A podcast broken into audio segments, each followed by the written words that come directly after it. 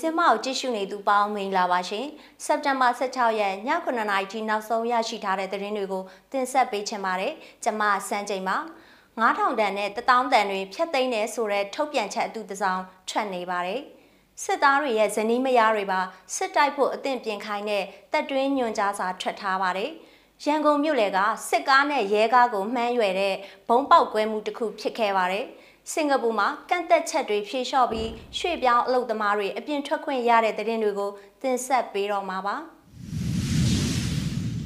ငွေကျပ်9000တန်နဲ့1000တန်ငွေဆက်ကူတွေကိုဖျက်သိမ်းပြီးဆိုတဲ့ထုတ်ပြန်ချက်တူလူမှုကွန်ရက်မှာပြန့်နှံ့လာပါတယ်။စက်တင်ဘာ16ရက်ရက်စွဲနဲ့အဲ့ဒီထုတ်ပြန်ချက်ဟာစစ်ကောင်စီရဲ့ဒုဗိုလ်ချုပ်ကြီးအောင်လင်းတွင်အမိန့်ရဆိုပြီးအဲ့ဒီငွေဆက်ကူတွေကိုဒီနေ့နေ့လယ်ကစတင်ပြီးတရဝင်းဆက်ကူအဖြစ်မှရက်စဲလိုက်ကြောင်းကြေညာထားတာဖြစ်ပါတယ်။ဒီသတင်းဟာမဟုတ်မှန်ပဲသတင်းအတူသားဖြစ်တယ်လို့ပြည်တွင်းပုဂ္ဂလိကဘဏ်အတိုင်းဝိုင်းကခေတ်သစ်မီဒီယာကိုဖြေကြားထားပါတယ်။ဒီထုတ်ပြန်ချက်အတူနဲ့ပတ်သက်ပြီးမြင်းစမကလည်းစုံစမ်းနေဆဲဖြစ်ပါတယ်ရှင်။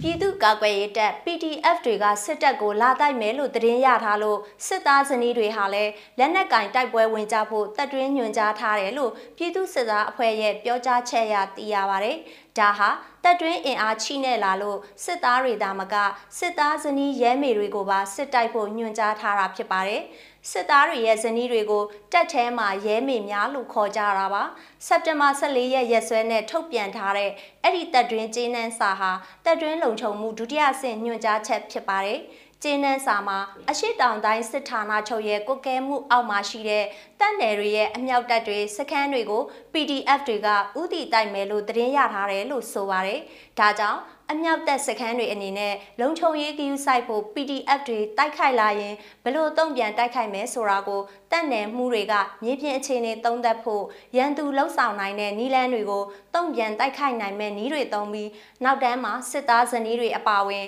လူလက်နက်ခဲယမ်းနဲ့လက်နက်ကြီးတွေတပ်ဆင်ထားဖို့စတာတွေညွှန်ကြားထားတာဖြစ်ပါတယ်။ စစ်သားမဟုတ်တဲ့စစ်သားဇနီးတွေကိုလက်နက်ကင်ခိုင်းတာကစစ်ရာဇဝမှုမြောက်ပါတယ်စစ်သားရဲ့ဇနီးဆိုတာပြည်သူပဲဖြစ်ပါတယ်အခုလိုစစ်ပွဲမှာအသင်းချက်လက်နက်ကင်ခိုင်းခြင်းကိုလုံးဝလှုပ်ခွင့်မပြုပါဘူးလူသားတတိုင်းအနေနဲ့အသုံးချနေတာလည်းဖြစ်ပါတယ်အဲ့ဒီအတွက်တတ်ထဲမှာရှိနေတဲ့စစ်သားတွေရဲ့ဇနီးတွေနဲ့မိသားစုဝင်တွေက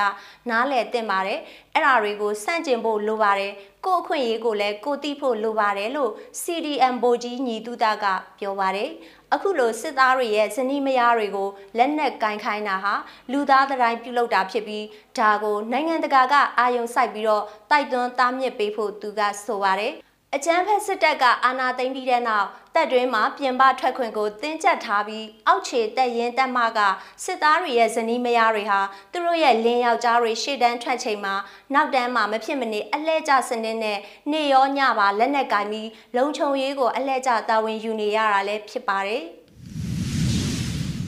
ရန်ကုန်မြို့လယ်မှာစစ်ကားနဲ့ရဲကားမီးပွိုင်းမိနေချိန်မှလန်မကန်းမှာထောင်ထားတဲ့ဘုံပေါက်ကွဲမှုတစ်ခုဒီနေ့နေ့လယ်ကဖြစ်ခဲ့ပါတယ်။ဒါဟာသူတို့လက်ချက်ဖြစ်တယ်လို့မြို့ပြပျောက်ကြားတက်တော်ဆောင်အဖွဲ့ Ranger Force ကပြောပါတယ်။တိမ်ဖြူလမ်းနဲ့ဘိုးချုပ်လမ်းတောင်မှာဒီကနေ့နေ့လယ်3နာရီခန့်ကစစ်ကားတစ်စီးနဲ့ရဲကားတစ်စီးမီးပွိုင်းမိနေချိန်ညာလန်းတောင်ကရင်ထင်းရဲရုံမှာထောင်ထားတဲ့ဘုံကိုအဝေးထိန်ဖောက်ခွဲလိုက်တာဖြစ်ပါတယ်။ ပောက်ကွဲမှုကြောင့်အ ਨੇ ဆုံးတဦးဒဏ်ရာရပြီးရင်တွေလည်းထိခိုက်မှုရှိတယ်လို့ Ranger Force ကပြောပါတယ်။နောက်ဆုံးနိုင်ငံတကာသတင်းသဘုတ်ကိုဆက်ရရင်တော့စင်ကာပူအာဏာပိုင်တွေဟာကိုရိုနာဗိုင်းရပ်စ်တားမြစ်ကန့်သက်ချက်တွေဖြေလျှော့ပေးလိုက်ပြီးဖြစ်တာကြောင့်တနစ်ကျော်အပြင်မထွက်ရတဲ့အဆောင်တွေရွှေ့ပြောင်းအလုပ်သမားတွေဟာအခုဆိုရင်အပြင်ထွက်ခွင့်ရပြီဖြစ်ပါတယ်။ ရွှေ့ပြောင်းအလုပ်သမားတွေရဲ့အဆောင်နေတန်းလျားတွေကနေကိုရိုနာဗိုင်းရပ်စ်ကူးစက်ပြန့်နှံ့တာကြောင့်ပြီးခဲ့တဲ့နှစ်ဧပြီလကစပြီးရွှေ့ပြောင်းအလုပ်သမားတွေကိုအဆောင်ကနေအလုပ်စီသွားလာတာကိုအများပြားကန့်သက်ထားခဲ့တာဖြစ်ပါတယ်။ချမ်းသာတဲ့စင်ကာပူနိုင်ငံမှာကိုရိုနာဗိုင်းရပ်စ်ကန့်သက်တားမြစ်ချက်တွေဟာတခြားသူတွေထက်တောင်အာရှအလုပ်သမားအများစုပေါ်ပိုပြီးတင်းတင်းကြပ်ကြပ်ချမှတ်ထားခဲ့တာဖြစ်ပါတယ်။ အစိုးရရဲ့မြေစမ်းခရမ်းပြူစီမံချက်အရ